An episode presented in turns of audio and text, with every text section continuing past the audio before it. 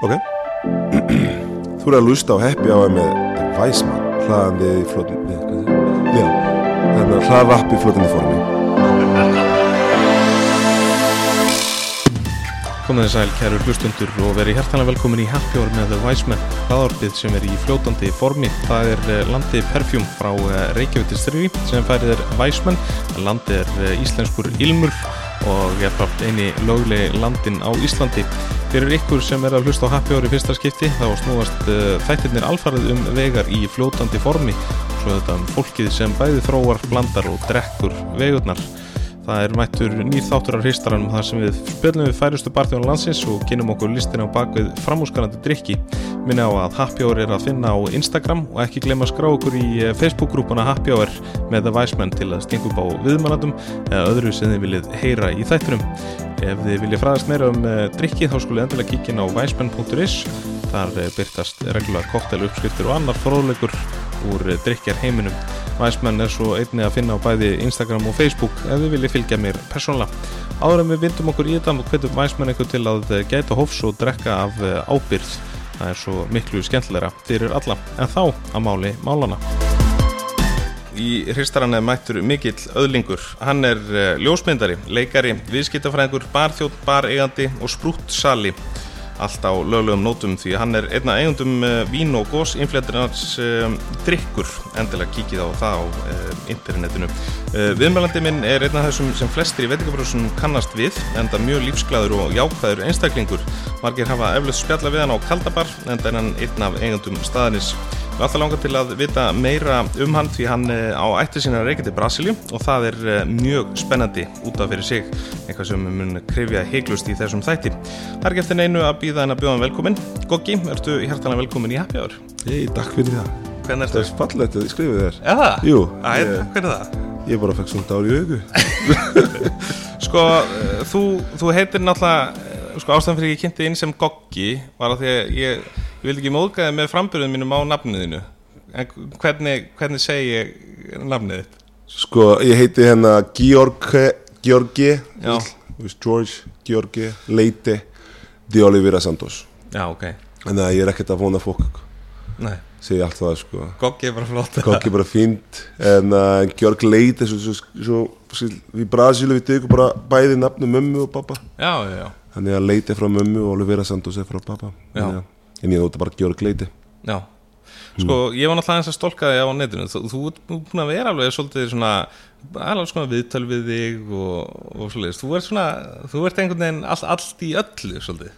Já, ég er nefnilega, veist Er það eitthvað ofvirkur eða eitthvað þannig? Já, ég er reynda ofvirkur sko, smá held ég. En mér finnst það bara gaman að gera lukti og alls konar, er ekki að tala um bara það sem ég er að gera sem, veist, í vinnunni sem veist, bara eigundum uh, með drikkur, bara svona mér finnst það bara gaman að prófa nýtt og alltaf að gera eitthvað mm -hmm. skemmtilegt. Það sem mér finnst skemmtilegt, veist elska að dansa og elska að synda og ég er að vinna að synda sko sem ég bara segja ég spilu waterpolo sundlegaðleikur og það er bara ha? Og það fer svona þú veist, alltaf fólk að hugsa bara akkur er þú í sund og, og hérna og waterpolo ég mani fyrir einhver tíma að keppa í svona gappamót sem er svona eldri eldri svona lið sem er að synda á Íslandi. Já.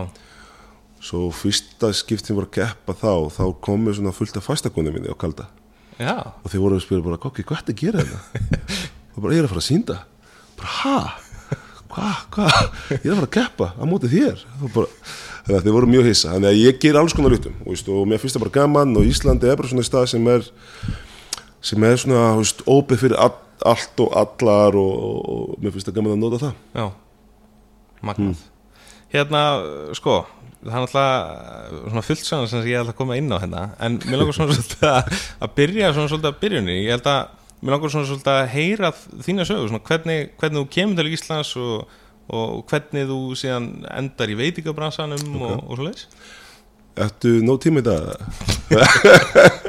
Tökum bara sjálftverðsum Sko ég kemur alltaf 98 skiptinni mig. Ég ætla að gera þetta mjög, mjög svona stúr eða mjög á því. Já kemur sem skiptið með 98 og verður svo áfram eftir það. Svo fór ég bara í skóla og, og hérna mm, með skóla fyrir, þegar ég við fjölskylda mín ekki tilbaka. Já, þá gott að þeim bara allar peningum þannig að ég átti ekki peninga lengur. Og ég hef aldrei unni áðun þannig að ég kom hinga þannig að ég var bara skilur að synda þá og svo bara í skóla. Já, þannig að þegar þið gott af peningum þá fór ég bara að reyna að finna mér stað til að gera og, og þá kom í ljós að það var í svona spanska stað sem var á klappastig bara akkurat úr saman gata kalda sem heiti Café List alveg rétt, já. Hérna. þannig að ég lapaði hana inn og það var hérna tvei spanskir gauðra og svo eitt portugali þar og þeir bara hefði velkomið inn og ég byrjaði að vaska upp þar. Já, þá sko hef aldrei snett áfengi skilur þá, þú veist, ég hef aldrei prófa áfengi að, að drekka neitt. Svo byrjaði að vinna það með skólanum reyndi svo stoppa í eitt ár skólana fyrir það var svo mikið ála þú ég þurfi bara að vinna aðeins til að geta að fá sem að penning og þá byrjaði balli það byrjaði sem til maður bara akkurat, að jamma meira og kynast fólk betur og, og, og þá Reykjavík var veist, skemmtilegt veist, og samt ég byrja ekki að drekka samt þá. Uh, 2001 2 það fór litið í Spána í smá tíma 2000 í nám þar. Svo kom ég tilbaka 2002 já, svo hérna kom í ljós þessi, ég byrjaði með karistinu mínum basmóðu mitt og ég voru það í smá tíma. Átt Sofía strax eftir sem er dóttir mín, elst dóttir mín. Já, já, við flutti í Brasilíu. Og svo milli tíð þá hef ég búin að vera að vinna á nokkuð stöðum. Og í skóla, fór í HR að læra það uh, Viðskiptafræði viðskiptafræði, já. svo fór ég hérna sitt frá Café List. Næsta bari var vínbarnum með Gunnubála Já, og þá nefnilega þetta er svolítið fínt að segja þetta þá byrja ég allt í einum að fyrsta gaman að vera á bar og, og vinna með fólk og, og hafa þú veist, skemmtilegt. Það var aldrei leðilegt að vera í kringum hann? Nei, og hann er bara svo akkurat típa sem ég vildi veist, að vera Já, já. veist, á, á þessu, þessu bransa sko. Þú tókst svona smá inspiration frá honum? Já, þetta er mína fyrsta svona inspiration á börum það er bara gunnupáli Reynda ég var líka að vinna á kaffe Breslunum þá, ég glemdi því. Þegar var á, já, gamla góða Já, gamla góða við hérna ég glemdi því það líka það var mjög skemmtilegt, þá, þá tali ég enga íslensku eða ekki einsku og það var allir að kynna mér bara alls konar litum Já, þar en Gunni Bali var svona fyrsti sem gaf mér svona inspiration í að vera vín á bar og svo byrja ég svona akkurat að smakka mér að vín og, og, og hérna, læra mér á honum. En það í raun og veru það sem var spennandi fyrir mig var ekki nú sinni hvernig vín var smakkaðist og svona, þetta var bara hvernig hann lita við og sko kunnina sína. Veist, já. hvernig hann tala, hvernig hann fór úr því að skilur að láta einhvað sem var kannski ekki sestak og að vera mikið mál. Mhm. og þó í mann einhver tíma hann við mig það bara, hvað ekki, drikkur er mjög, mikið- rosalega mikið verður rosalega mikið vel velt í svona samskipti á börum. En hann er bara 20% Mhm.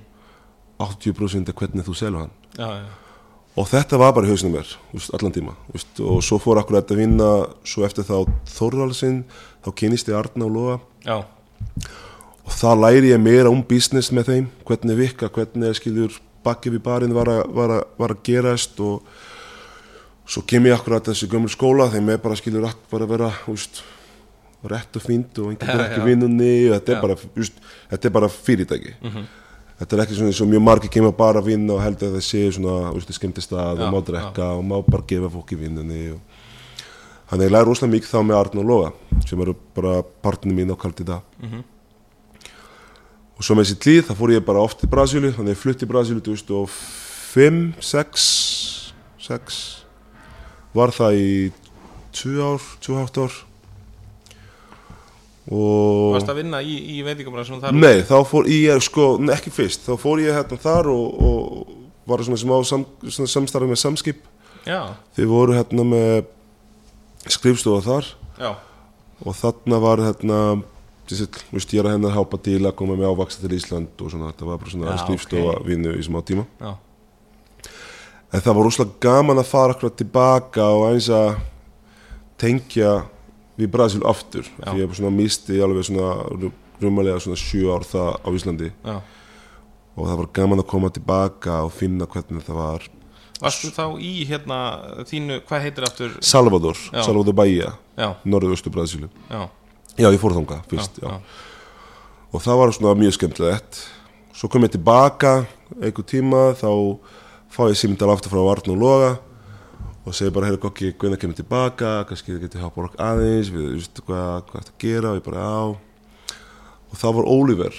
Já, sætla minninga. Já, þegar Oliver var mjög sko, og ég bara, í rauninni verið átti ekki þetta, veist, mikið tengið við Oliver þá, af því ég var úti þegar Oliver byrja Já, Þannig að þegar ég kem tilbaka þá lap ég inn og sett með Arn og Loga og, og, og ég ákveð bara laun og, og hérna hvernig þetta myndi að gerast og, bara er að gera þetta ekki svo vel líkla og fyrsta kvöldi Oliver var bara eins insane, ég var aldrei upplýfa eins á börum, skilur, þetta var bara svo mikið að gera og mikið sala og flöskuborð og þetta var þegar flöskuborð pyrði á Íslandi, Já, já. svona mér og mína og svo ringdi bara þeim aftur tilbaka bara daginn eftir bara er þú er að tvöfandalögni minn, þetta er ekkert en hérna, ef við stöldum aðeins við því að sko á Torvaldsen sem Já. var náttúrulega rosa svona legendary staður Mm. á sín tíma uh, þar er ekki hægt að segja að sko hann hafi mögulega kom hann ekki með Mojito til Íslands en hann allavega promótaði Mojito hann mjög mikið sko sprakk Mojito Já.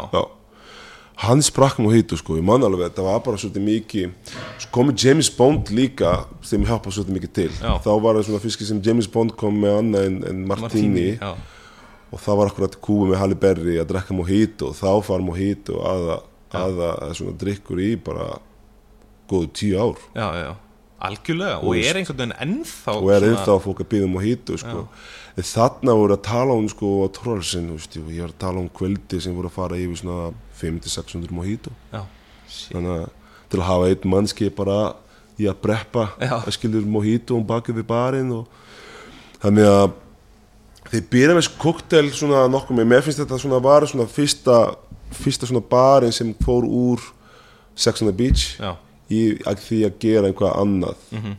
svona skemmtilegt það var Torvaldsinn hann var eiginlega líka svolítið heppilegur þessi drikkur til þess að verða þú veist, hann er léttur þannig að í keislu ef þú undurbýr hann vel þannig að það er svona kannski ekkit skrítið að hann hafi orðið sá drikkur sem var, ég meina óumflýjanlega vinsæðasti drikkur svona síðari ára hérna á Íslandi sko. svo vorum við að gera svo vel líka finnst mér, að við sko uh, ég man einhver tíma að það var bara mojito svo vinsæll og ég bara veist, drakka svona smá og fyrir svolítið mikið rom já það er upp, Rómkall. upp, upprunnin já, já, svolítið mikið svona, svona í rom hérna menning já, en þegar þú fætti Lútlanda þá bara í Spáni það bara þeir voru að blanda saman eitthvað boka sem bara setja í og klaka á og svo bara smá fullt af rom já, og það var bara bralust mér finnst þetta á Íslandi það var bara svona þeir tók þetta alveg sko, metna í, í hérna mojito. Já, ég sammálið því. Það var algjörlega sko. Uh, og, og svona já, við höfum einhvern veginn ekki tekið shortcuts í, í nei, nei, mojito nei. sko. og svo, svo líka akkurat, mér finnst það það sem, sem er líka núna í dag það er bara barþjóna hérna heima þá eru svo margir sem er með úrslega mikið að að metna í að gera koktelar sem var ekkert svona fyrir svona akkurat 20 ára síðan þegar ég kom hingað. 20 ára sér, þetta er orðslega langt síðan. Það er þessi Nei, algjörlega, þróunin hefur náttúrulega verið já, já, svolítið, svolítið mikið rugl sko.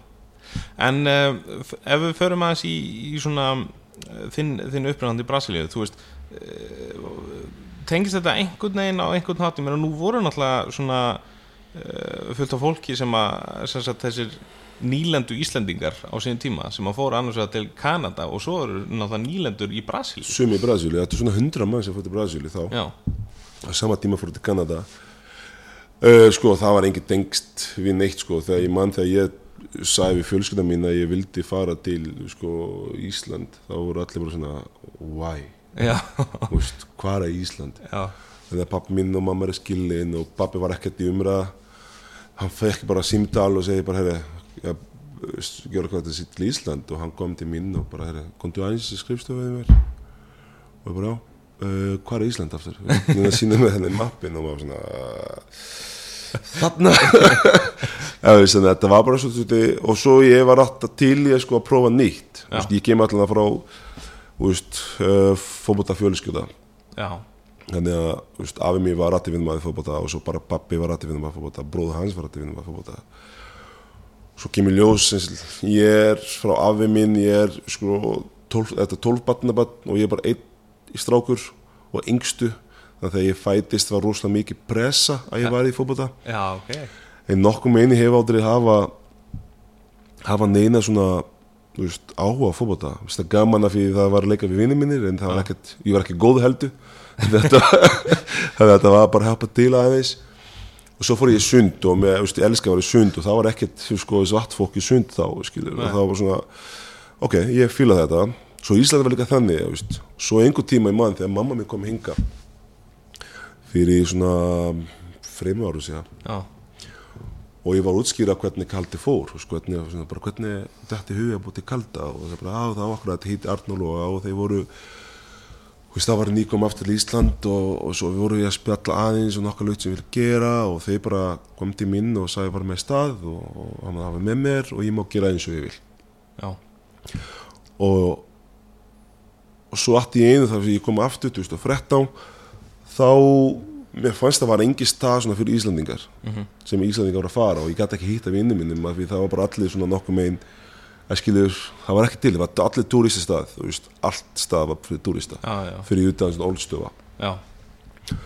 og en að svo hugsi ég bara á mig langa að gera í stað sem ég bara myndi að fara sjálfur og vinnum mér myndi að koma að hýtta mig og, og, veist, þetta var svona meira minna pæling og ég kom mér til Arna og loða með það þannig að við gift Kaldi sem var mjög skemmtilega saga þá líka veist, við voru Vildu vita það? Já, það sjálfsögðu.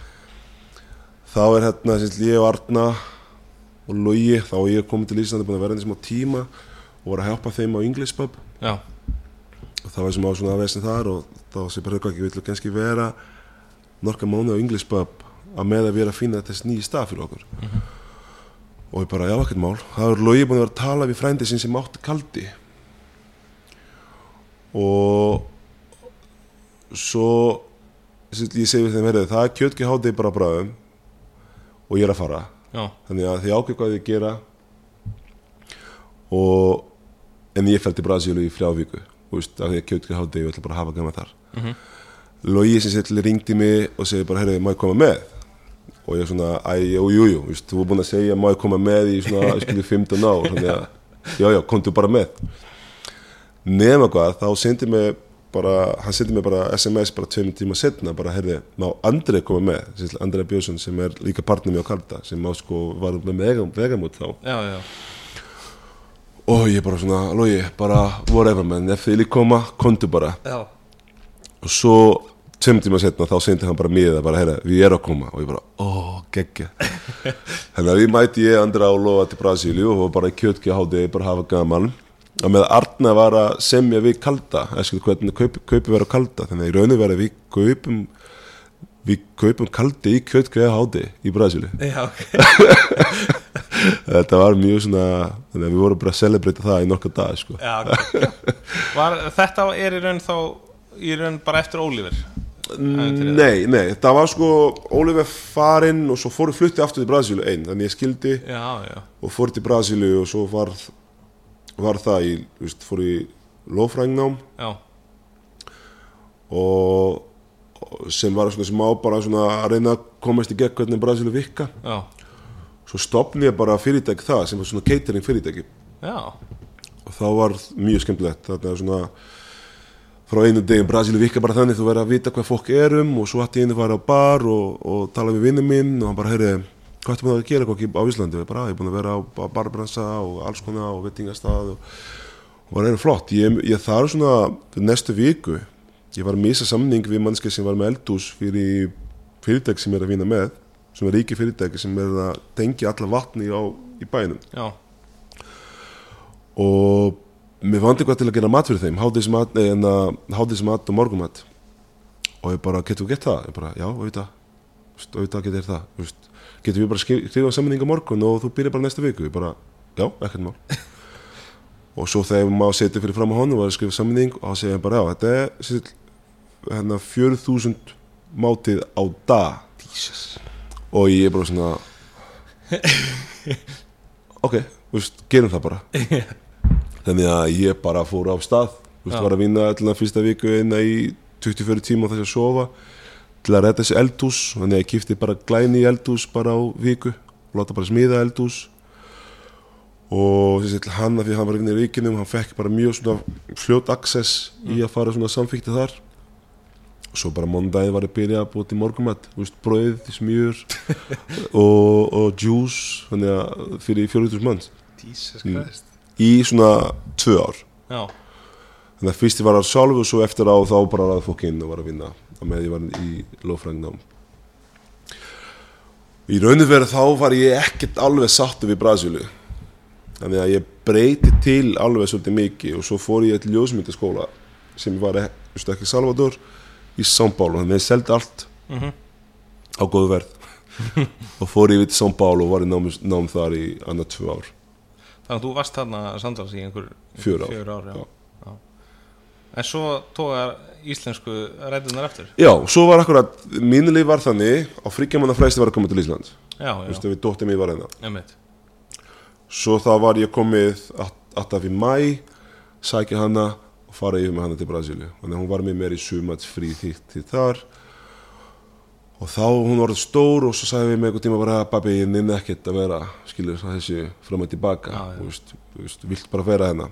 Og þá fekk ég bara svona smá svo líka mamma henni þar er smá hjálp þannig að ákveð bara að koma aftur. Já, svo fór ég til New York aðeins fyrr, áður kom hinga fyrst. Svo var það í 6-7 mónið í New York í. New York. Ég bara þess að styrsta því í ljósmyndum. Já, já, svo kom ég hinga að opna smá ljósmyndu stúdíu og var bara að vinna það í smá tíma og veist, að klára það sem ég voru að gera í Brasílu já. Ok, svo kom kalda. Svo kom kalda gengið. Fyrir maður sér sko að því ég tek undir að með þér að, að það á tímabilið þá vantar rúslega svona stað sem að er já, hvað maður að segja ég meina, Ölstofan er mjög svona sósíal mm og Kaldi er einhvern veginn svona nákvæmlega eins. Hann er fyrst og fremst svona sósíal staður Mm. svolítið. Uh, þú veist, er það ekki bara svolítið ástæðan fyrir því að hann er svona vel sóttur þessi staður? Já, ef þú sko að hugsa þannig að veist, fólk fekkjast gott annað hennar á kalda þú veist, og þetta var mér, mér með þessi pæling og, og móti ekki vel eitthvað svoleiðis. Við hefum rosa lítið á auðlýsa kalda mm Þú veist, þannig sér, við erum ekkert að eyða mikið á auðvitað kalda og við erum ekkert heldur með DJ eða svona, bingo kvöldi eða karaoke kvöldi þetta þetta er bara svona mjög símbó í stað til að koma þess að spjalla og þetta var fyrsta pæling á kalda Já. þetta átt að vera bara láns lánsi stað sem fólk byrja kvöldið og svo bara getið fara akkur að dórstofa, kaffibarinn eða að fara að dansa B5 eða whatever hvað fólk vil gera. Já, Uh, nema hvað þá bara fólk fyrst var þetta svo gaman að vera þarna og svo byrja að vera tróðið, kaldi bara er bara helmingið sem var í dag. Emitt, emitt þannig að þetta var bara svona síður bara 1,80 fermetra sal.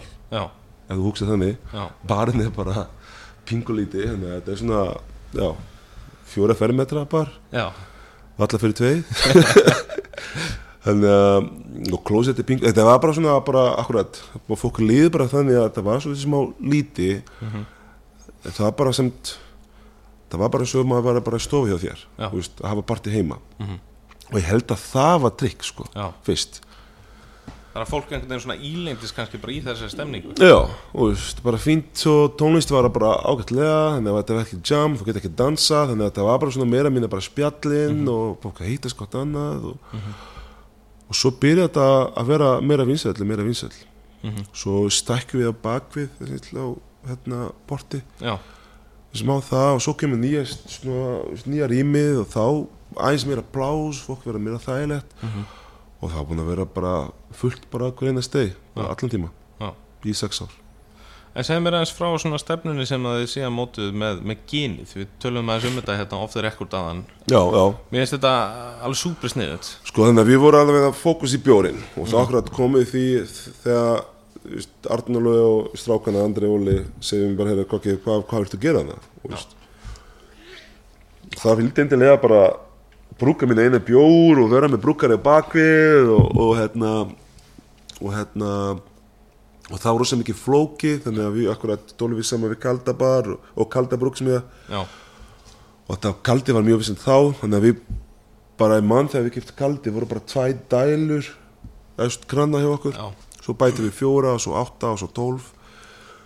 Og það bara gangur rosalega vel. En bjórin okkur með var að komið alls stað þetta var búin að vera svolítið mikið svona fast, fast okkur fannst það að vera búin að vera svolítið mikið hérna spreng svona sprakk bara. Veit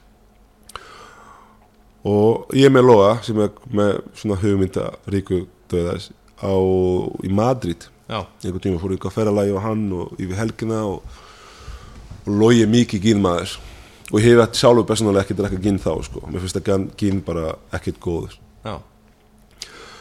og logi gínmaður og við setjum bara akkurat á gínbar í Madrid. Geggja flott og skemmtilegt og góð væp og akkurat voru alveg svona þú veist, 40-50 tegundir gín á barnum. Og logi sem þetta er rosa dræ hann er bara, herrið, mér langar bara veist, gin, tonic that's it, ekki, engi ávaksta ekkert, ekki bull, bara gin og tonic that's it. Og svo hann kemur að horfa með bara akkur ger ekki meira gin á kalda. Já, og ég bara svona já, ég get gert það, það er ekkert mál. Og bara já, gerum það. Það var bara svona mjög stutt Já. pælinga það var ekkert svona mikið stafræði í þessu. Nei, svo fór ég bara í búð daginn eftir á Spáni og kifti alveg svona, ég spyrir bara hérna, gauð sem er að vinna Kort Inglés svona búð Mhm. í, í, hérna, á Spáni sem er með gúrmi, bara hvað er besta ginn sem eru með? Mhm. Og þá kom þeim með svona veist, fjóra ginn til okkar. Þetta var svona Monkey var einn af þeim. Monkey 47 Mock 47 Já. og þá voru hérna Sintandel einn af þeim Já. frá fransku, franskum og tvei viðbútt sem mun ekki hvað þetta var. Og við kemum inn og ég setja bara hillunni. Og akkurat það, fólk var að spila um gin og tónik. Það bara, herri, ég er með geggja góð gin. Þú veist, ég með kom frá, Spáni og það bara, veist, bara miðvíkudags kvöldi það var að búið, þú veist, frá fríðudaginn til það er svona tvæ nætur, það er bara allt búið.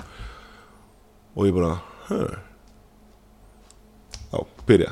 Þá ég er bara meira ginn, meira ginn, meira ginn og allir vinnir minni sem var að fara til útlanda eða allt sem var í ríkinum, allt sem ég gæti að kaupa á Íslandi. Já, og þá voru svona 20 tegundi þá.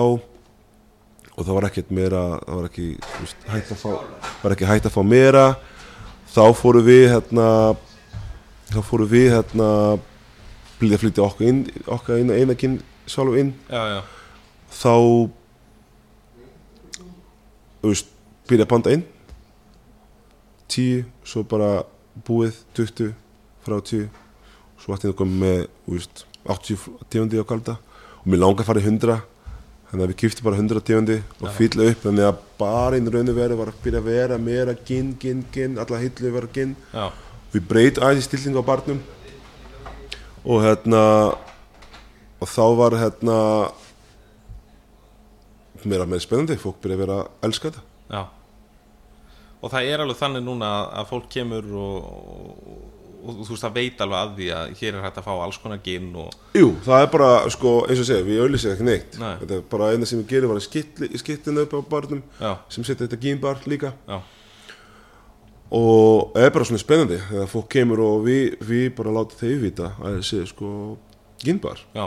Sem er eins frá því sem við tölum um máðan með eh, rotationið á hillunni. Það finnst mér alveg briljant. Já, sko, þess að við erum ekki með menju og hjá okkur og við erum ekki með drikki menju þannig að það þýðir að veist, við vinum bara upp á því bara viku lega, hvað er spennandi veist, fyrir okkur, hvað er gaman, hvað er við búin að vera að hafa áhuga? Og þeir tala við, þá er bara ég og Staffi. Þannig að veist, þá er allir semst, með sína eina pælingar í gym Mhm. og tónik. Og við tókum bara svona alltaf að ég tek tvæð og þetta er tvæð þannig að þetta er svona 10 til þú veist, 20 mm tíunda ginn sem eru svona að fara í gegnum vikulega. Já, og og þá sko flytur bara hilluna af. Þannig að við erum með fremst í hillu á barnum. Mm og við tekum bara það sem er fyrir fram okkur sem er nálægt. Þetta fer bara svo áfram bara í svona já, rotation nó, nó, þessi, næsta viku það er kannski annað 20 að 10 tíundi já, og þá þessu ginn sem er búin að vera efstu uppi hún fer bara niður, Já, fremst niður þannig að það er bara svona accessible. Mhm. og það er kannski akkurat season á ávaksta sem er til stundu er til þú veist, þú veist, blóð appisinn stundu ekki. Stundu er til í stjórnan í stundu ekki. Þannig að við þurfum kannski nokkuð meina að færa með hérna, ávaksta season hvað er til og hvað er ekki til sko. Stundu, ja. vinber er fínt Mhm. stundu ekki eskilur þannig að rosemary er bara fint núna við erum búin að vera að drekka, nota svolítið mikið rosemary síðustu vika Já. en fórum við stundu banda rosemarín og það er ekkert það er ekkert góð Nei, að við svona, er bara svona að vinna með því það sem við hefum sko. Svo náttúrulega hinn parturinn af þessu, það er tónikið já, Ég er með svona kenningu að við einhvern veginn að því að sko bara gin markhópurinn hefur stækkað alveg svakalega Mm. sem er geggjað það er alltaf gaman að einhver svona, svona sterkvinn fara að búa til svona, established markhópar eins og burgundi rauðvin og, Já, og, akkurat. og, hérna kraftbjór og eitthvað leðis og er þetta ekki samlega að það er já komið svona 100%, 100%. gin, gin markhópur vel established og, og mín kenning er svona svolítið þannig að þetta byrjar einhvern veginn þannig að þú þú værið bara gin og tónik. Bara svona eins og- logi Já, einmitt, einmitt, einmitt. Bara, bara eitthvað Hann er það í dag svoleið sko Já. sem er vist að gegja. Já, bara snill uh, en hann hefur samt hins og rauglega smakkað fullt af öðru sko. Já, hann, hann gerir það en þú sko, fyrir, að fyrir hann er bara sko, sko, svo er akkurat fullt sem ég læri bara eins og með honum bara, herra, þú veist, akkurat setja ekki læm? Og það sínum tíma var bara allir bara þú veist, að nota læm. Já. og hann bara ekkert má, takk bara eitt sopa og við pöntum bara á barnum bara takk eitt sopa að dra, og tónik, dræ og svo takk eitt sopa gin og tónik og læm Já, og ég bara á ekkert mál og svo finn ég bara smá læmbræði og svo uh, tíu mitt setna það sé bara taktu aft annað sopa Já. af kindræði og taktu annað sopa af kind með, með læm já, þá fann ég að bara læm búin að taka yfir allt saman. Þú veist, læmi- já, læmi er bara, veist, bara meira en gin og tónik já, sjálfu já, já. þannig ég fatta hans hugmynd með því að bara ok, læm er mikið þú veist, Mhm. stekk ávaksti þannig að hann, það sem þú gerir læmi er bara að hann gerir mikið. Þannig að ef þú vil fá sítrus og læmbræði þá er ekkert mál. Þá mísum við allt þessi pæling sem við segir bara ef ég akkur eitthvað að fara að kaupa dýra gin með rosalega mikið pæling, rosalega mikið að hugsum Mhm. og gegja tónik ef ég vil bara fá læmbræði að skilka við. Já, Þannig að það sem ég er að gera með ginni er bara þannig að sko, ef ég er með gin sem er með nokkar recipes og botanicos, þá vinn ég bara með sama botanicos af því manneski er að leita eftir það botanicos, ekki endilega bara læm. Og það er það sem mér finnst skemmtilegt í gin að blanda gin og tónik. já, Það er akkurat þessu, þessu blanda sama, hvernig er bara að blanda saman og nota það sem er til bæði tónik og, og, og gin. já, nákvæmlega af því að þú veist það er svo margir sem halda einhvern veginn að, að, að gin og tónik sé voða basic Mm. en það, og það getur alveg verið Það það alveg verið það, sko. en, en sko núna í setjum tíð þá hefur þetta einhvern veginn þetta eru svona þrjú aspekt svona megin aspekt og svo fjórða sem ég ætla að koma að líka Ok, en svona það er náttúrulega þú veist við vorum náttúrulega allir voru að drekka þessa London Dry stíl svona þurrgin mm. uh, og svo bara eitthvað svo var náttúrulega bara eitt ríkistónik hérna lengi vel lengi vil, og, og sem hefur nú sem betur fyrir breyst en, en fólk einhvern fór að skoða meiri, meiri gin en svo fatta það að þú veist að tóniki skiptir alveg pínu máli það Mm. mm. þú veist eins og talar um þú veist ráöfnin og, og undurstöður ráöfnin í, í gini þau náttúrulega njóta sinna ekkert ef, ef að tóniki er of og, og, og sæti og, og, já. og og þannig að þá fóru þeir að skoða þetta og svo náttúrulega eins og segir með, með ávistina og það sem við setjum í það Mm.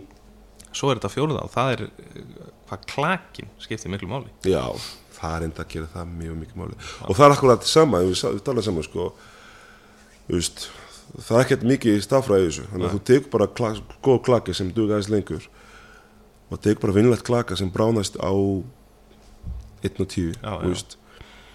Þú mís allt þessu pælingar Já. í, sko, í hvað þetta drekka. Já, þannig að gin og tónik á að vera akkurat þú verður að njóta ginni, þú verður að njóta tónik. Mhm. en eftir tíu myndur þetta er bara vassbræði og læmbræði, þú verður að- að drekka lemonade. Æskilu gafið, með smá, smá á, áfengi úti. Já, já. og það er það sem er, sko, klaki skiptir líklega mál og við erum með svona akkurat á kalda, við erum með svona sérsta klaka fyrir gin og tónik Mhm. og og botanicos líka, við setjum í það skiptir rosalega mikið máli eins og veist, ég eh, það komið einhver tíma hérna Hendrix og Gukkur? Já. og, og pípar já, og ég skild aldrei okkur að vera að nota pípar í, í, í, í hérna, í hérna gin og ég smakka nokkuð sinni og mér finnst það bara svona að þessi pípar ekkert að fara með mér Mhm. þetta var svo vinsæll, allir finnst þetta gott og þetta var bara svona alveg, veist, þetta gott og þessi pípa fór í tögnum mér svolítið í smá tíma. Svo einhver tíma fer ég bara í, í búð og ég finn rósapípar. Já, og ég smakka rósapípar og hann er sætara og annís og, og svona meira bræði. Byrja að nota rósapípar í stand fyrir að nota pípar og bara lífið þetta er bara svona lífbreyting já, já. Þannig Algjörlega að þetta var bara allt einu og bara, úst, ok, núna erum við að tala um, um, um drikkur með pípar sem virka. Já, já. En í mín, sko, í mín Já, tilraun, ég sko. held að þetta meki alveg fullkvæm sens hjá þér, en þess að sko þegar Hendrix kemur, veist þeir koma hérna eins og við talaðum um aðan, þú veist, þessi London Dry stíl sem var náttúrulega bara vinsalastur og svo koma, kemur þessi contemporary stíl Já. sem að, þú veist með smá infusion og með smá bræði sem að, hérna, og þá fóru menn alltaf að, að þú veist, að not, þóra að nota fleiri jurtir heldur en bara þessi basic einmitt. einubberg, kvönn og, og, sítrus einhvern veginn og, og rósmarin nei, hérna og, og hvað heitir það hérna, gukkur, nei nei, hérna kóriandir, sem er svona típiskur. Mhm. London Dry bara eins og Beefeater og eitthvað uh, en það voru náttúrulega, veist, eins og Hendrix og, og hérna og, og, og Tangury Ten líka Tanqueray sem er 10, náttúrulega já, með svona sítrus sem er hjarta. Uh, uh, þessi contemporary stíl ég held að þetta make sense með hennan pipar og rósapipar vegna þess að ég meina uh, það sem gerir Hendrix contemporary er náttúrulega gúrkur og rósir. Mhm. þannig að það er náttúrulega myndist þannig segja að- að rósapipar væri betra, sem, að- sem að og mér finnst alveg, og svo átti einu byrja að hætta að nota bara venjulegt pípar og er að nota veist, á sumi, drikku okkar bara rósa pípar já, já, já, sem er mjög, mjög fínt. Og svo er akkurat ég fer ég fer oft til Fraklandi fyrir konar minni frönsk. Já, já, einmitt. Og svo fer ég að bara leita fyrir krítum þar og er bara allt í einu bara veist, þurra bláberjablóm sem er svona beisk og skemmtilegt. Og maður prófa svona alls konar luti bara, veist, akkurat sindonella grass eða grass eða einmitt. Þurkar sundum græs og bara maður prófa allt, ég tek bara allt inn Mhm. kaupa bara fullt. Já, og er bara, þú veist, þegar ég kemur aftur frá Fraklandi það er allir bara svo spendur í að vita hvað er komið með sko. já, það ekki. Mér finnst nefnilega einmitt sko líka svolítið stort atriði með, með svona þetta gimmick í, í hérna ginotónik mm, er að búið framkalla einhverju góða lykt sko.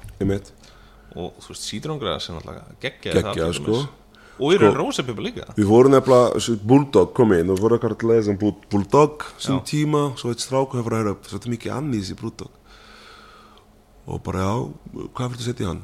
og bara, getur við setja bara lakrís já, og bara, já, prófa það. Og hann fer í búð kaupi bara lakrísina mig. Já, og við bara setja lakrís inn í Bulldog og breinum aðeins, fyrir að fá með þessum ábyrna bræði svo bara klaka og Já, það var bara mest heldur ginn bara nokka, nokka, nokka viku sko. já voru með lakrís rör eða? eða laksisröður, bara Já, þú já, já. plain ekki með hérna massipandinni nei, nei, nákvæmlega og bara við breynd inn og á, þetta var bara Skilji, þannig að við erum bara að reyna að prófa eitthvað nýtt og held að séu og það sem við gerum er bara útskrift fyrir fólk bara, þú kemur inn, þú fær eitthvað gott mm. -hmm. við þetta, þú má gera heim og þá er allir bara svona, já ok þannig geti eiga alveg norka flösku að kyn heima, Já, já. ekkert bara úst, eina London Dry Nei. ég geti fengið kannski eitt sem er í fúsjón með einhver annað og, Mhm. og það sem er skemmtilegt í gynum fyrir mér í dag sko. já, að geti spila á milli já sko, svo erum við náttúrulega eins og þú sagðir með, með hérna það eru margir einhvern veginn svona verðapínu pyrraðir þegar þeir fá ekki seðil í hendurnar já, En ef þú pælir því hversu margir eru að velja sérstaklega út frá seðli ef þú pælir í því. Mjög margir. Já, er já, það? já, ég held það sko. Já, ég nefnilega held að sko hvað gerir þú til dæmis, þegar þú verður á bar? Ge gerir þú svona smá svona týrlun þú kemur bar og er bara að láta fá selin. Já, og hvað tala oft mikið lengi við fjóni? Já, sko Svona tíu sekundur Já, algjörlega. Það er saman ok, svo vel, takk, þetta er maður selin, ok, svo vel og svo hann kemur aftur og hann segir uh, hvað viltu? Já. og sé bara nummer 5 með nummer 8 með nummer 2 já. Ég er, kemur- já, já, ég, ég samla því sko, að fólk, fólk velur út frá selinum Já. en það velur, þú veist, það man ekkert sérstaklega nafnið á, á koktelunum sem það pantar. Það er annarkort bara þessi blái eða græni eða, Já, reyndar, svona, já. eða þessi með gimmiki eða eitthvað svona sko. uh, en hérna uh, mér finnst, já, ég sammálaði veitum, með, á selinu þá? Já, já, einmitt. Þið veit, já, þið veit ekki eins og hvernig flósku líti út. Nei, nei. En, og svo er líka, sko ég held að sé ekkit endilega margi sem að spá og hafa bara þekkingu oft. Ég held ofta að við gerum eitthvað grein fyrir hvað, hvað fólk hefur ekki það mjög þekkingu á hráfnum sem að er í selnum mm. en það náttúrulega fær miklu meiri tilfinningu fyrir því ef einhver þeim frá því sko. já, og svo líka hvernig sko eins og ég segi, þetta er bara svona meira visuál líka. Veist, þú sé hvernig drikka þín er að, er að vera búa til Já, já, svo hefur það þegar þú er kannski á veitingastað skilir á bar, það er munnu en í raun og veru það sem þú veit að sé bara að setja ásti í þína, í þína, þína drikkur, það er allt annað mál. Já, já, og þegar þú sé flösku, þannig að við erum raun og veru bara að því tekur flösku, bara heyrðu, þú er að taka þetta með Mhm. hestónik, bara þú veist á því veist, þannig að ef þú vil fá þetta aftur einhver tíma, Já. ekki koma til mín og segja þetta er bláa, þetta er bara, bara myndi þú, sko, þú bara fyrir þig, segi bara vinið þínu hvað þú veist að drekka og Já. bara, whatever, fara bara að kaupa í tutifrínum eða þetta í útlöndum eða í búð eða whatever. Já, að þú fá ekki eitthvað svona una, hvað heit þetta? Þú fá ekki svona alveg groslega góð drikkur uh -huh. og bara daginn eftir þú mæst ekki hvað það var. Nei, nei, nei. Hvað nummer 5, nummer 8, nummer 2 já, já, æskilur þannig að þetta er meira svona nýta tækna, taka mynd frá. Já, þar, já, en þetta er meira svona upplifum já, í að drekka, ekkert bara að drekka nummer 5, þetta er bara að drekka þessi ginn sem er bara svona lítið út.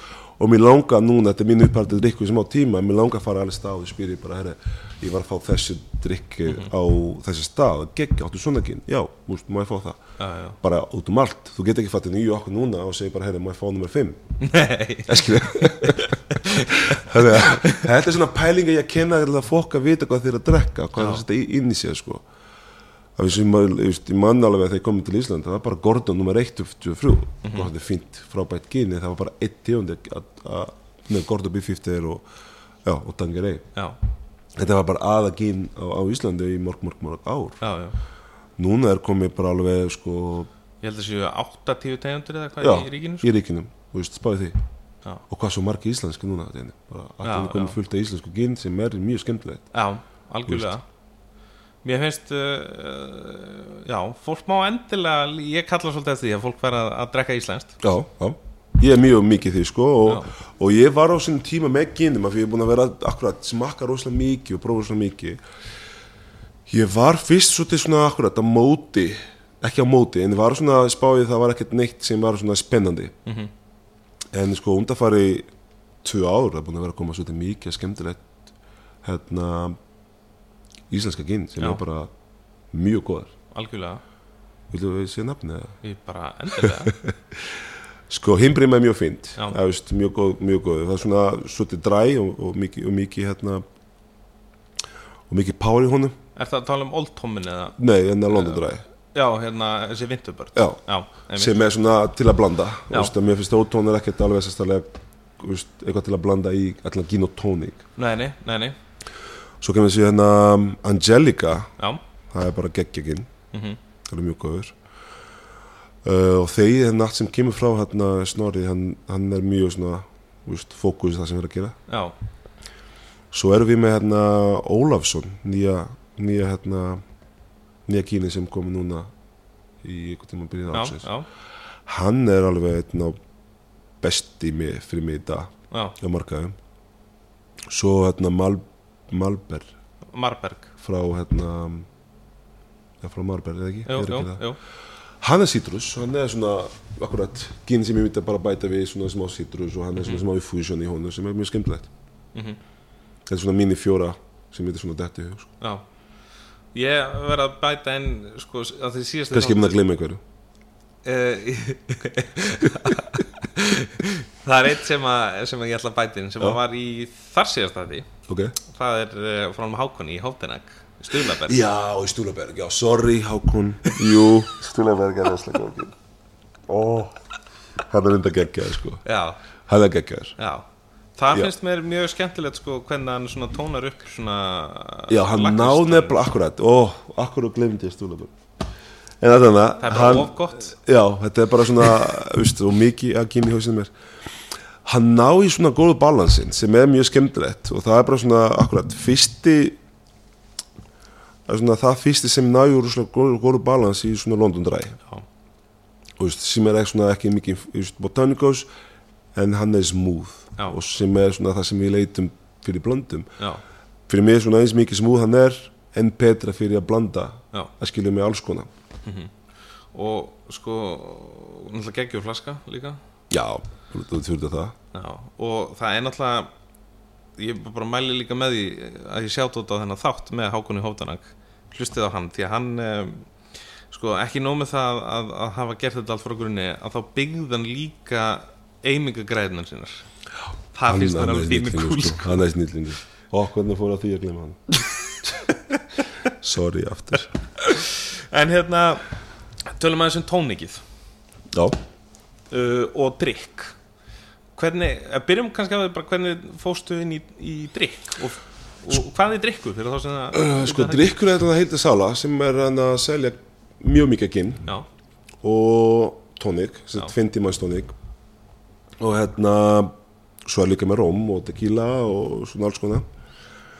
En drikkur er fyrirtæki sem byrja í 2016 minn mér. Og það var akkurat eitt strákur sem heiti Ási.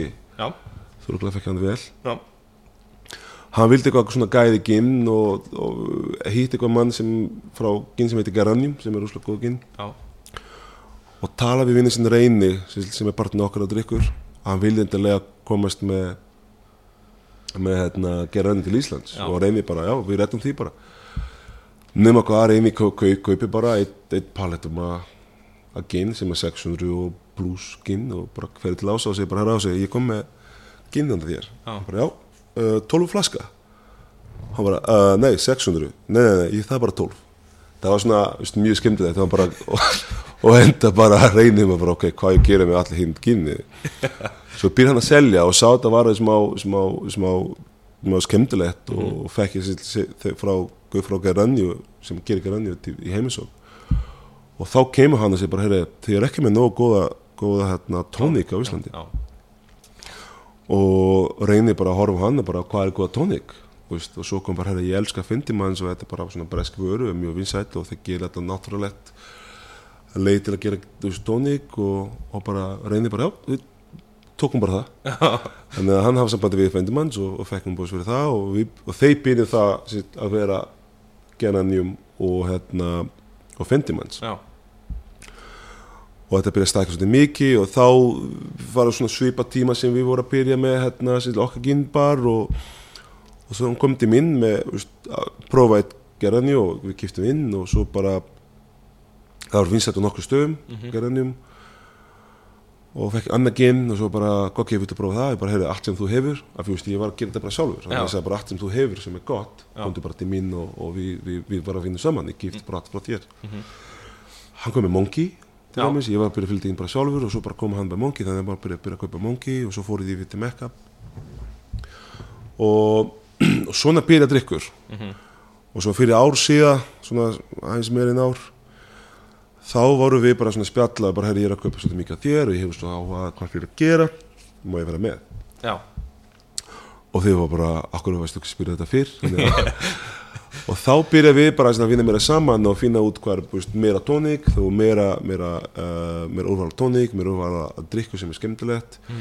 Eins og við tóra aðna áðan og sko þá komi akkurat uh, við erum með findimanns uh, rumlega svona 20 góðstrykkur mhm, að þessu 20 sé 8 eða 9 tónik með tónikibræði. Mhm, og það er bara að selja svolítið vel og, og fólk er árunda með það komið í Hagkaup komið haka upp og er mjög mikið það og, Og- melabúð og ég verða að sjá dát á sko bara einn ángríns besti góstrykkur sem ég hef smakkað er Sparkling Raspberry ó, það er ekki að tala um það, ég líka það er bara ég nefnilega sem átak og, og akkurat um daginn ég segi við Hannes sem- er fyrst partin okkar Já. og sé hún drikkur, hann er bara hausin í drikkur, hann Já. gerir allt fyrir drikkur og ég segi við Hannes, hei Hannes ég er að fá hérna smá ég sem á hérna fara í myndatöku og ég vil fá svona veist, einn eða norka, norka, norka hérna findimanns heim til mín sem á því bara svona frá flösku á hverjum. Nema strák sem kem og hann er bara ekkert máli, skal bara sendið inn og svo kem að tínum og veist, frá kassa á hverjum. Já, og ég bara svona ok, að ég skila tilbaka. Jú, ég ætla bara að skila tilbaka. Ég er í átak. Já, svo opna eina og byrja að drekka og svo bara til það bara annað og svo bara, ah, ég ætla kannski að hafa þetta kassa og þetta er svo gott að maður bara drekka þetta endalist já. Talandi um sko einn drikk sem ég gerði með þessu um daginn Það er Tít Stuðlaberg já, og, og, hérna, og þessi drikkur Það er ógeðslega gott það er saman. slúka satt eitthvað meira, ávakst eða bara það? Hvort ég hafi sett greifrút eða ok, eitthvað ekki, og, ég prófa það. og ég kalla hann Hindberg já, ég mann þú segja mig það. Já, jú, núna mann ég þessi þetta er mjög sniðu, drikkur sko. En þú veist, þú getur sett skólpvatn ofan í þetta og það Ok. er samt gott sko. Þetta er ógeðslega góð, gott gós ætla að prófa það. Uh, Hérna Svo er náttúrulega önnur vara þarna. Og þá ætlum ég að sáta á annan þátt. Mm. ef þið viljið vita allt um rom þá tók ég hérna, mjög snemma. Ef við skróli niður þá er viðtal við uh, sko uh, vingirðamann uh, frangotastjóra og brandabástur hjá Diplomatico. Mm sko, Geggjað. það er náttúrulega ógeðslega flott rom Já, sko ég er mikið rómaður og ég kemur frá Brasíli sem er mikið, sko við erum með cassasa það sem er svona, just, annað tíunda róm just, þetta er bara bæðu sigureyri og, og og ég á orgla heima svona 80 til 90 flösku að cassasa já, uh, sem betur færi drekki ekki rosalega mikið þannig að ég myndi að klára allt í, og það er svo erfitt að koma þetta heima, heima já, og svo diplomatiko er bara svona just, uh, drikku sem ég er bara pýra að elska frá grunni, bara frá sko, sögun á drikku á, á, á hérna, vörum og hvernig þetta fer fram, hvernig gerir rómi og hvernig pælinga, hvernig farið með sigureyri og akkurat að hýta hósi, þetta er bara hann er bara legend í róm business Já, í dag og róm er eitthvað sem ég elska. Já. Og þetta er bara mín, mín ást sko. Og svo náttúrulega er líka Og alveg- svo er náttúrulega líka bara stort í spekt að, að hérna að framlega rom í Venezuela í dag. Já, Að akkurat eins og sagði, og sagði, sagði við þig líka maður veit ekki hvernig þetta er á morgun. Nei, nokkulega en í rauninu veru að Venezuela er bara á sérstaklega svæði sem er bara sko, hitta stig og allt sem er rétti á lí- ekvadorlínum er bara svo, svo flott. Þú veist, þeir byrja nefnilega með rík, veist, þeir fyrirtæki byrja með hérna, kín líka sem hefur kann næma. Já, emitt, það er næsta sem ég ætla að spyrja það af. Já, uh, það er nýja hérna þú er með flöskuna hana. Mm kann næma. Hvað hérna eh, þetta er svolítið skemmtilegt uh, skemmtilegt ginn Jú, þetta er mjög skemmtilegt og einn ástæða fyrir mig allan er mjög skemmtilegt. Þið nota einn hérna, ávaksti inni til að búa til kann næma já, sem er hérna heiti Kaju. Já, og Kaju er akkurat úr Kaju-nétur já. Hefur séð Kaju-nétu ávaksta nei, akkurat, það hefur engi séð Kaju-nétu ávaksta og ég er alltaf ofta að spyrja að fólkan á Íslandi hefur séð einhver Kaju-nétu og það er bara allir bara, næ, jú, eða ekki bara eins og Kaju? Bara nei. Kaju ávaksta hann er sér, bara mm, svipen en hérna uh, svipen papriku. já, já svona, það getur vera gul, það getur veist, raukt og þegar þú sé papriku það er kotta papriku, það er alltaf svona veist, svona, svona smá úti fyrir, emitt, svona stilkur stikkur. Í rauninni verður hugsa eins og kaju-nétur kaju-nétur er það stikkur ofan á? Ste- aðeins í stærri þannig að kaju ávakst er rosalega stórt.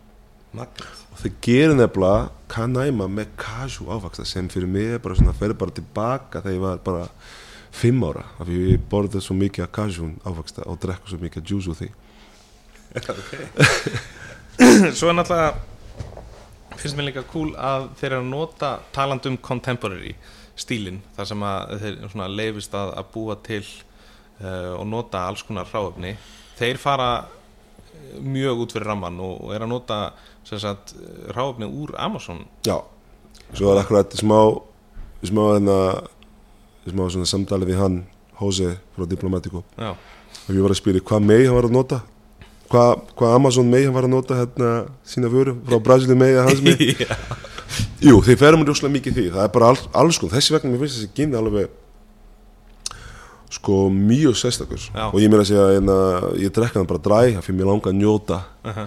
það skilur bara, setja bara góð klaka og hérna og hérna og kanæma fyrir það er bara svo mikið hann er ekki sætur, hann er ekkert mjög þúr, hann er bara svona á milli. Hann er náttúr, svona náttúrulega þurr frútt í henn já, já, þannig að það er bara mjög sérstakt í gynni sko.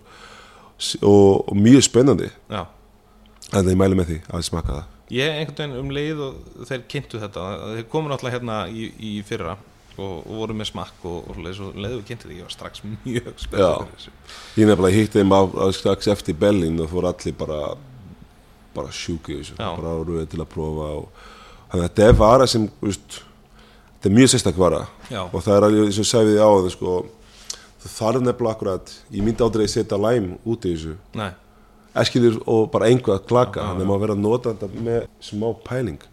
Þetta er náttúrulega einhvern veginn búið að, hérna, að gera þetta veist, með því bræði sem það á, að- á að vera sko. Herru, hérna talandi um, um rommið og cachaça. Já, uh, Akkur er ekki meira að drukja því hérna?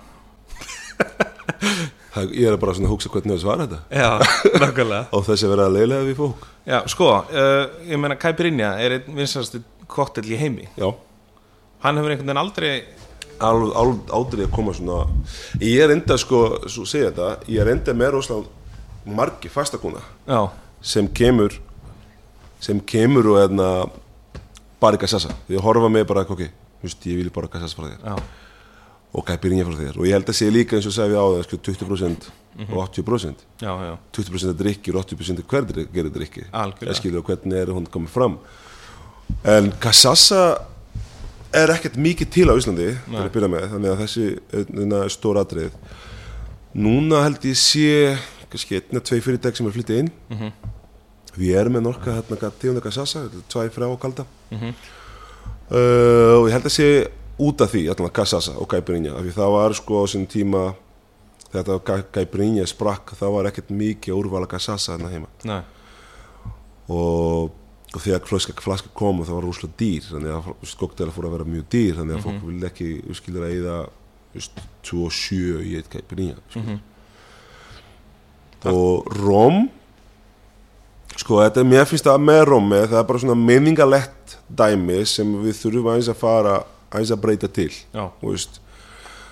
í gammal dag var bara að drekka bara veist, einn tegundi af róm í kók og fólk bara fókus bara í því að Einmitt. bara blanda þessu kók sem er ekkert að því en veist, ég til dæmis veist, ég sé róm allt öðruvís og ég sé róm meira svona eins og dræ og með konjak eða með góða koktelar og en ekki bendi við hvað við góðstur ykkur ég persónulega. Já, en ég akkurat, ég próf ég held að þú sagði drikkun á.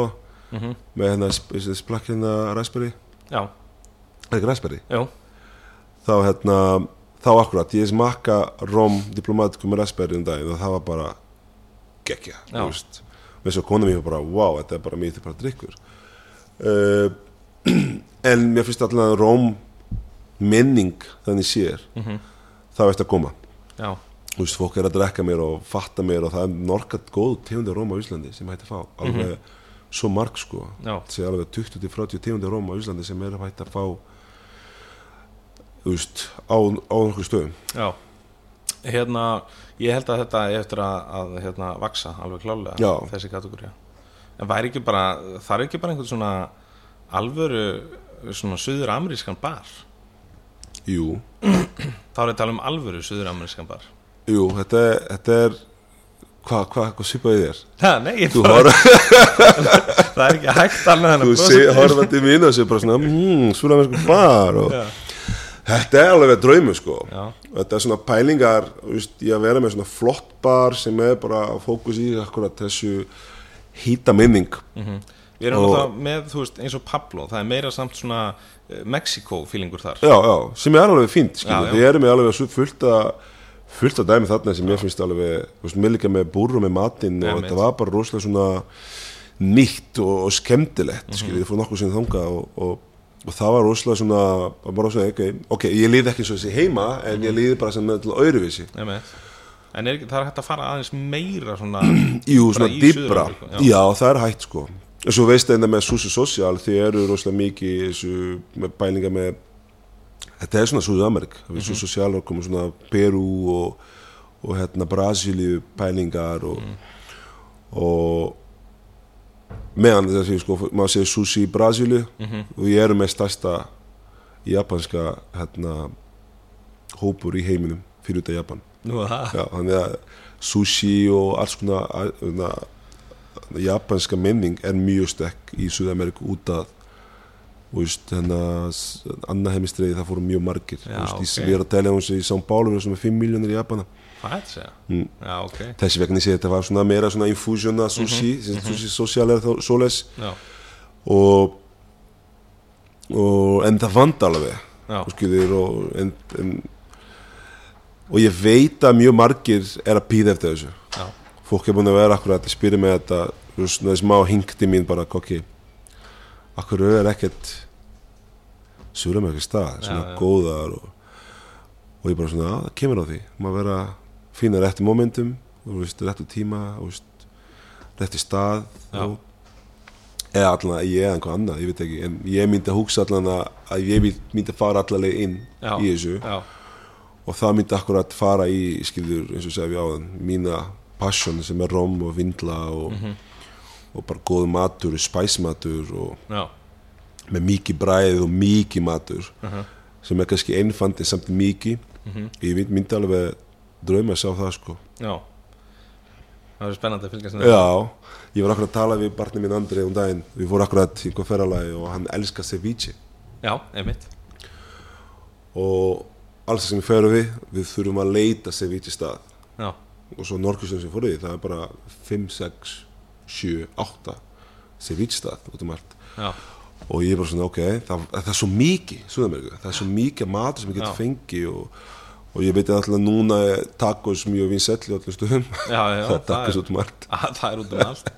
Það fara allir svolítið að eftir, það er bara svona Ísland hefur alltaf verið þannig ég menn það einhvern tíma var tortilla það var tortilla út um allt Já. og, þessu guacamole og guacamole bara mest best í heiminn út um allt.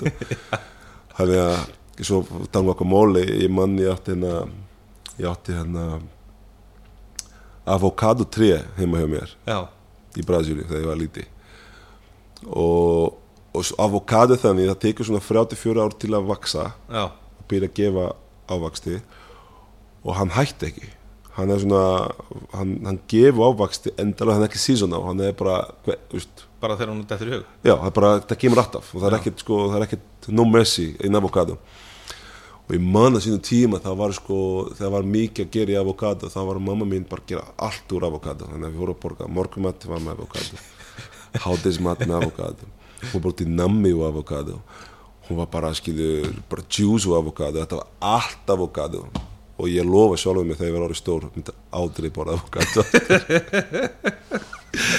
en það er rosalega mikið og ég held að sé veist, það, er, það er að fara að koma meira.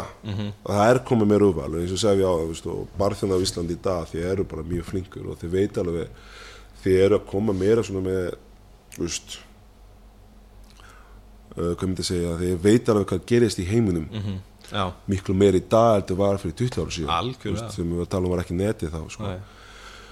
uh, þannig að þið eru bara mjög svona það er mjög mikið að koma til Ísland og mjög mikið skemmtilegt eins og segja með Róm og, og, þannig að ég held að sé á næstunni og svo kom COVID við það og stoppa svolítið mikið hugafæri og fyrir mér finnst þessi ár var svona Róm ár bara, er, næsta árið það er bara ég ætla bara að fókus í Róm og vinna mikið með diplomatík og með vindla og kannski akkurat kemur í ljósa, kemur einhvað sem er í stað sem er kannski meira fókus í því já, skiljur já, já, og hvað svo meira þá getur við Róm og Cassassa þetta er bara Já. endalust Já, já. skilur, ég held að sé meira tegundi að Róm og Cassassa heldur gín já, nákvæmlega. Ég myndi svona segja það sko. En við náttúrulega bara þekkjum það ekki. Nei, En ég hérna, já. En finnst þér eins og með almenningur uh, Þú veist, eru Þú veist, ég tekði náttúrulega fagnandi að sé meiri svona fókus á, á, á sterkvin og, og, og þú veist, mín nálgun á sterkvin er að mér finnst það, það er svo oft skemmtileg saga þar á bakvið sko. Mm. finnst þér ekki almenningu vera svona almennt að verða fróðari um, um þessar tegundir og, og þessar svona, hægt rólega. Já, þú veist, eins og mér finnst þetta á Íslandi og með kalda og Þessi bjórið þá mjög stekk já, já, og mjög stekk mhm, og, og vinn líka þannig að fólk er rosalega mikið í því.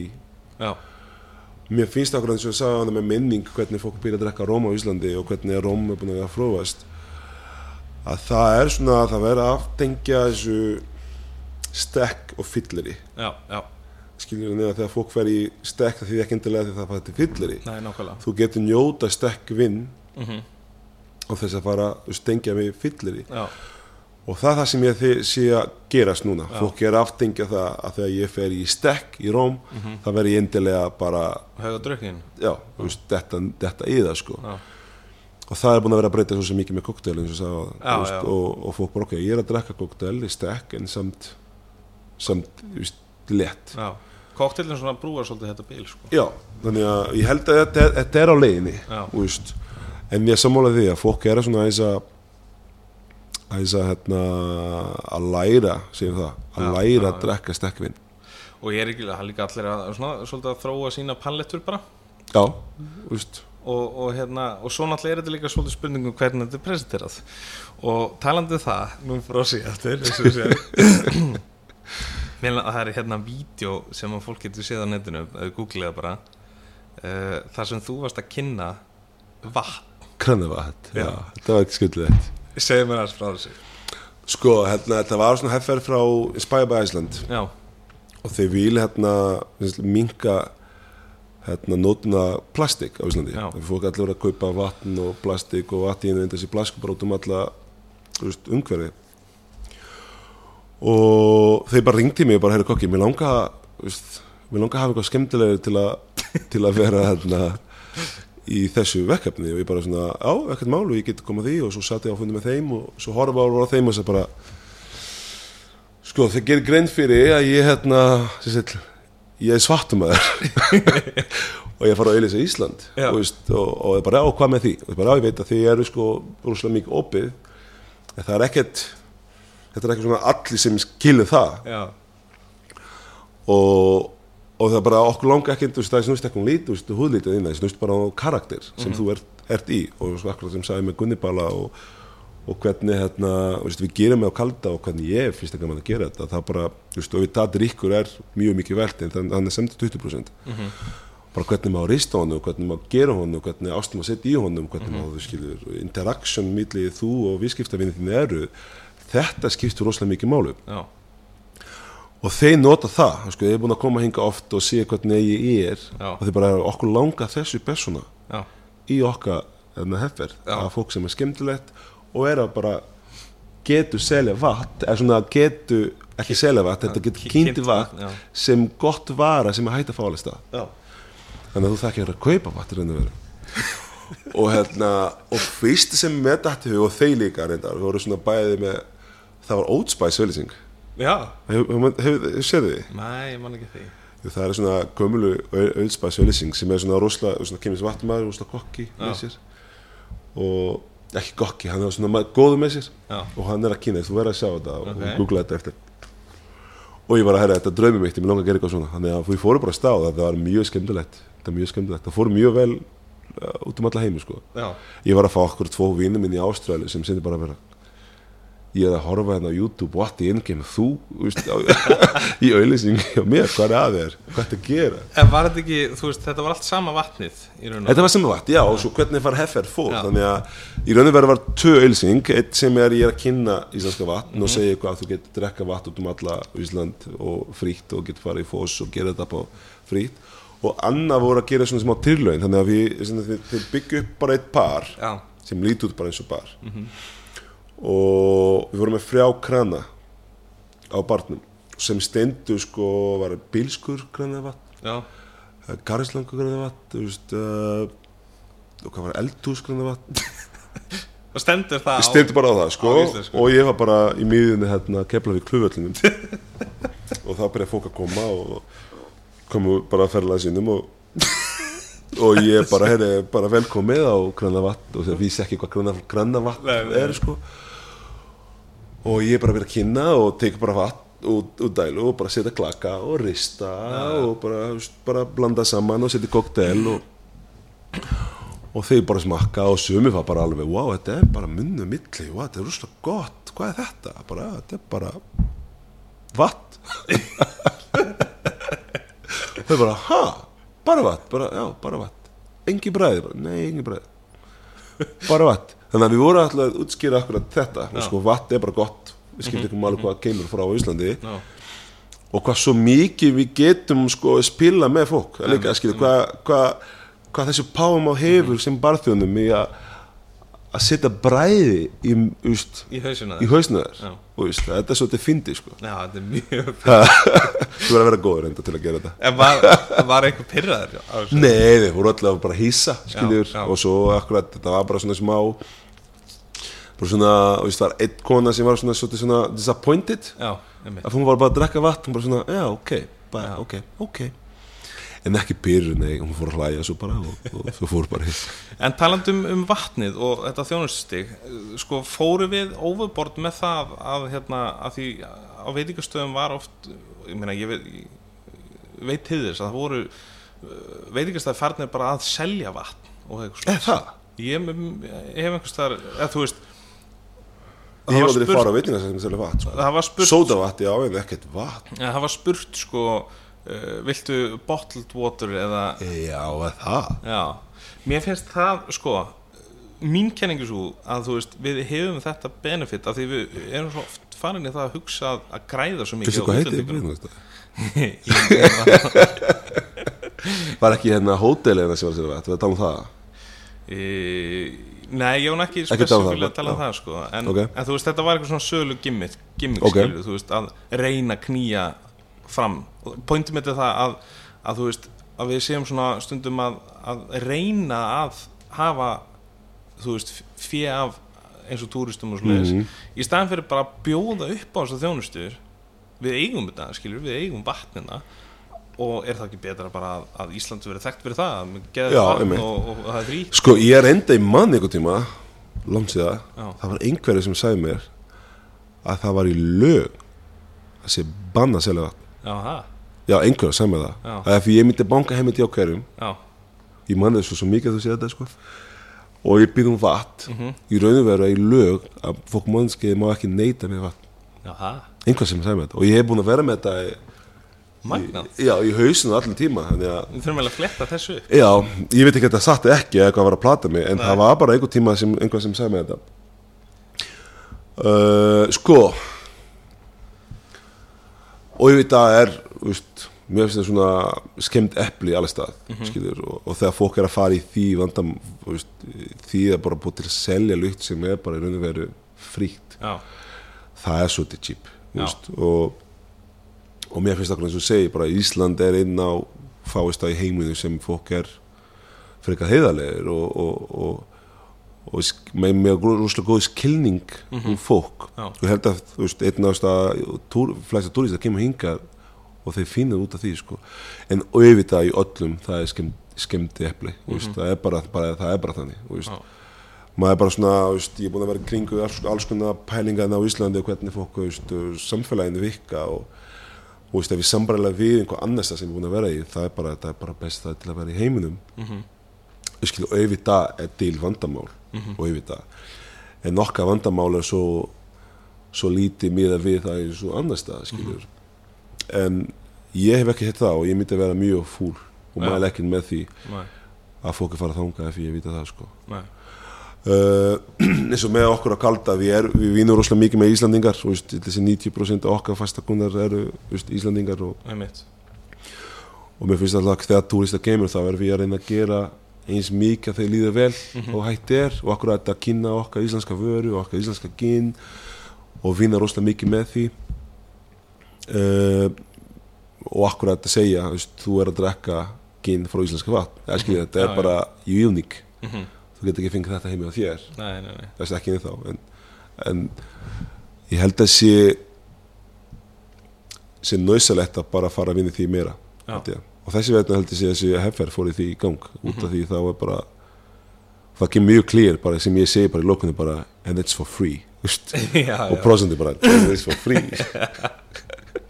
algjörlega mm. hérna, við erum búin að ná að fara í gegnum allan þátt, eh, nánast án þess að tala um COVID Já. sem er snilt sem er snill er, sem er, við þú tala um það? Nei, vil okay. langar að koma inn á einn punkt er hvað er það, að því við erum búin að heyra svo mikið neikvægt um það mm -hmm. fókusum að hvað er það, svona í lokin hvað er það jákvæðar sem við getum tekið með okkur úr þessu, svona hvað var það sem snertir veitingabransan? Uh, sko, það bara breytir ósað mikið hvernig fólk er að úst, haga sig, Já. skilur, hvernig fólk að allan snerta sig gott annað og er bara mér finnst þetta með, ég sé ósað mikið kurteis í fólk að byrja Já sem var ekkert mikið þegar maður fara að koma að vera tróð í stað að, að fólk er bara eins og maður sem að ykkur og býðum ásakit að koma að snætt gott annað og, mm -hmm. og það er svona just, jákvægt og svo er líka bara, just, COVID kom til að vera fyrst mér, mm -hmm. just, þetta er ekki að fara núna næstu á næstunni nei, nei.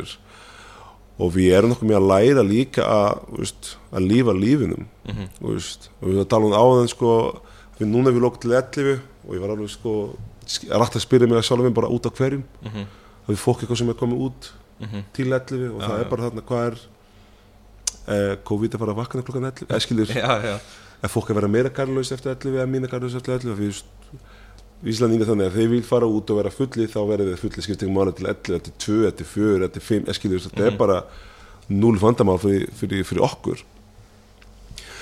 En mér finnst þetta nefnist með COVID að fólk er að læra meira að passa sig. Já.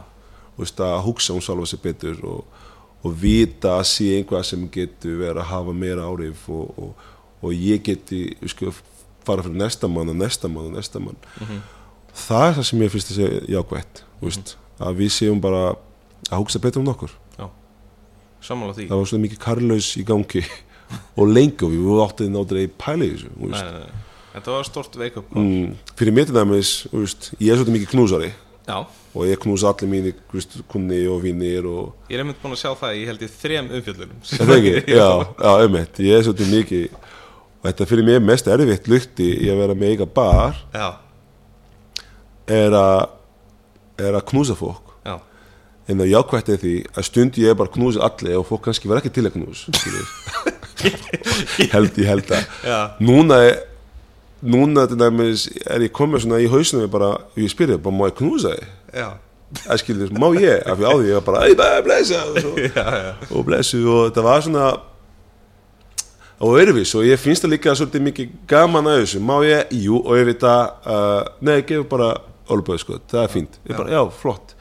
Þannig að þetta breytist svona sem að hugafæri sem er svona gott, skilur þannig sér, Algjörlega. þetta COVID COVID-punti okkur Já, ég held það. En hérna, svona rétt í, í blálógin hvernig, hvernig lítur á eh, komandi vetur og, og, og svona framtíðina? Herra, ég eins og segi, ég er rosalega bjart sín í öllum veist, og og hérna þetta verður erfitt mm -hmm. þessu tímabili en samt skiljur við, við keirum bara í gang. Já, Þetta reddast? Þetta reddast alveg, þetta er mest, mest skemmtilegt setning, já, frasi sem Íslandi hefur. Þetta reddast og, og ég er eins og segja á það, akkurat, fólk er að læra þetta og við, við skiljum það sem drepa okkur ekki gera okkur stekkari, við skiljum og ég held að sé ég sé hérna challenge. Já. samt ekkert skiljur, þetta er ekki af því nólumpuleikur, skiljur, challenge, þetta er bara kannski íslensk meistari nólumpuleikur, veist. Þetta þetta er miklu bara hvernig maður allast í luktuna og, og, og mér finnst þetta bara að vera mér að skýra með regluna og hvernast viku er bara nýja reglu þannig að ég er til dæmis núna að hugsa bara vikulega. Já. Ég mæti bara mándaginn opna bara hvað hva er það, metra, tvei metra 80-70 metra, má vera þarna, má ekki vera þarna má gera þetta, má ekki gera þetta. Mm -hmm. þannig að við erum svona svolítið mikið að vinna með því. Mm -hmm ég var alveg til að, veist, að koma svona smá reglu. Og núna er búin að vera 7 mánu 6-7 mánu sem COVID kom og, og allt fór í gang og við lókum bara í frá mánu og veist þeir líti að vita svona nokkuð með hvernig þetta virka núna. Mm -hmm. og, og, og það var akkurat til í ok, veist hafa bara svona Já. pundur, veist. Það kemur smitt, það er bara svona það kemur ekki smitt, það er bara svona standilega vera akkurat Ég hef, á, ég hef ekki ennþá að fá útskýru út, út, út af hverju 11 og ekki 12 og ekki 1 Nei. til dæmis skilur uh, Já, ég held að sé bara það. Þetta verður bara í lagi. Þetta, þetta verður í lagi Já, er hjá mér. Algjörlega og, og við náttúrulega hvetjum alla til að kíkja á þig á kalda. Já, eitthvað og ég skal lofa að spyrja vilt fá knús, stæði til að gefa knús. Herru, geggjaði að spjalla þig Gókið, takk fyrir að taka þig tíma. Já, ekkert má, gaman að hýta þig. Bara Loksins.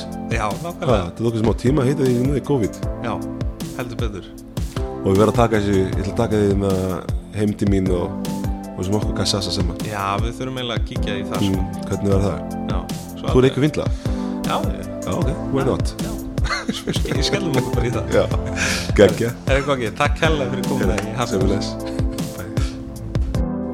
Þar hafið það, kæru hlustundur, hvet geni áhuga fólk að kíkja á kaldabar og smakka eitthvað eh, skemmtilegt úr geni heiminum hjá eh, Gogga. Og eh, ef þú ert því með COVID-19 þá mæl ég með góðu knúsi frá honum og fullir í það að það gerir dæðin töluvert betri. En ef þið fannst þessi þáttur skemmtilegur þá ekki hika við að smetla á subscribe til að fá tilkynningu næst þegar nýr þáttur í Happy Hour fer í loftið. Ef þú eru áhuga á að fræðast meira um drikki þá uh, mæl ég með að þú kíkir á heimasíðuna væsmenn.is þar sem er að finna ítalega grein um þennan þátt á samt öðrum skemmtilegum fróðleik og uppskriftum af koktelum sem þú getur deilt með uh, öðrum áhuga sem vinniðinum. Minna aftur á að Happy Hour er að finna á uh, Instagram eða þú skrifar Happy Hour Væsmenn og ekki gleyma að skrá okkur í Facebook grúpuna með sama nafni til að stinga upp á viðmælandum eða öðru sem þið viljið heyra í Happy Hour. Væsmann er auðvitað bæði á Instagram og Facebook að þið viljið fylgja mér persónulega þar sem byrtast reglulega skemmtileg og fróðlegt efni, stiklur og annað sem tengjast drikkjum. Svo hvet ég til að hlusta á alla hinn á þættina í Happy Hour ef þú ert ekki nú þegar búin á því og ekki hika við að deila þáttunum með þeir sem kunna hafa áhuga. Að lokum vil ég minni á að drekka til að njóta, ekki til að gleima. Takk fyrir að hlusta, þangat er næst, Væsmenn átt.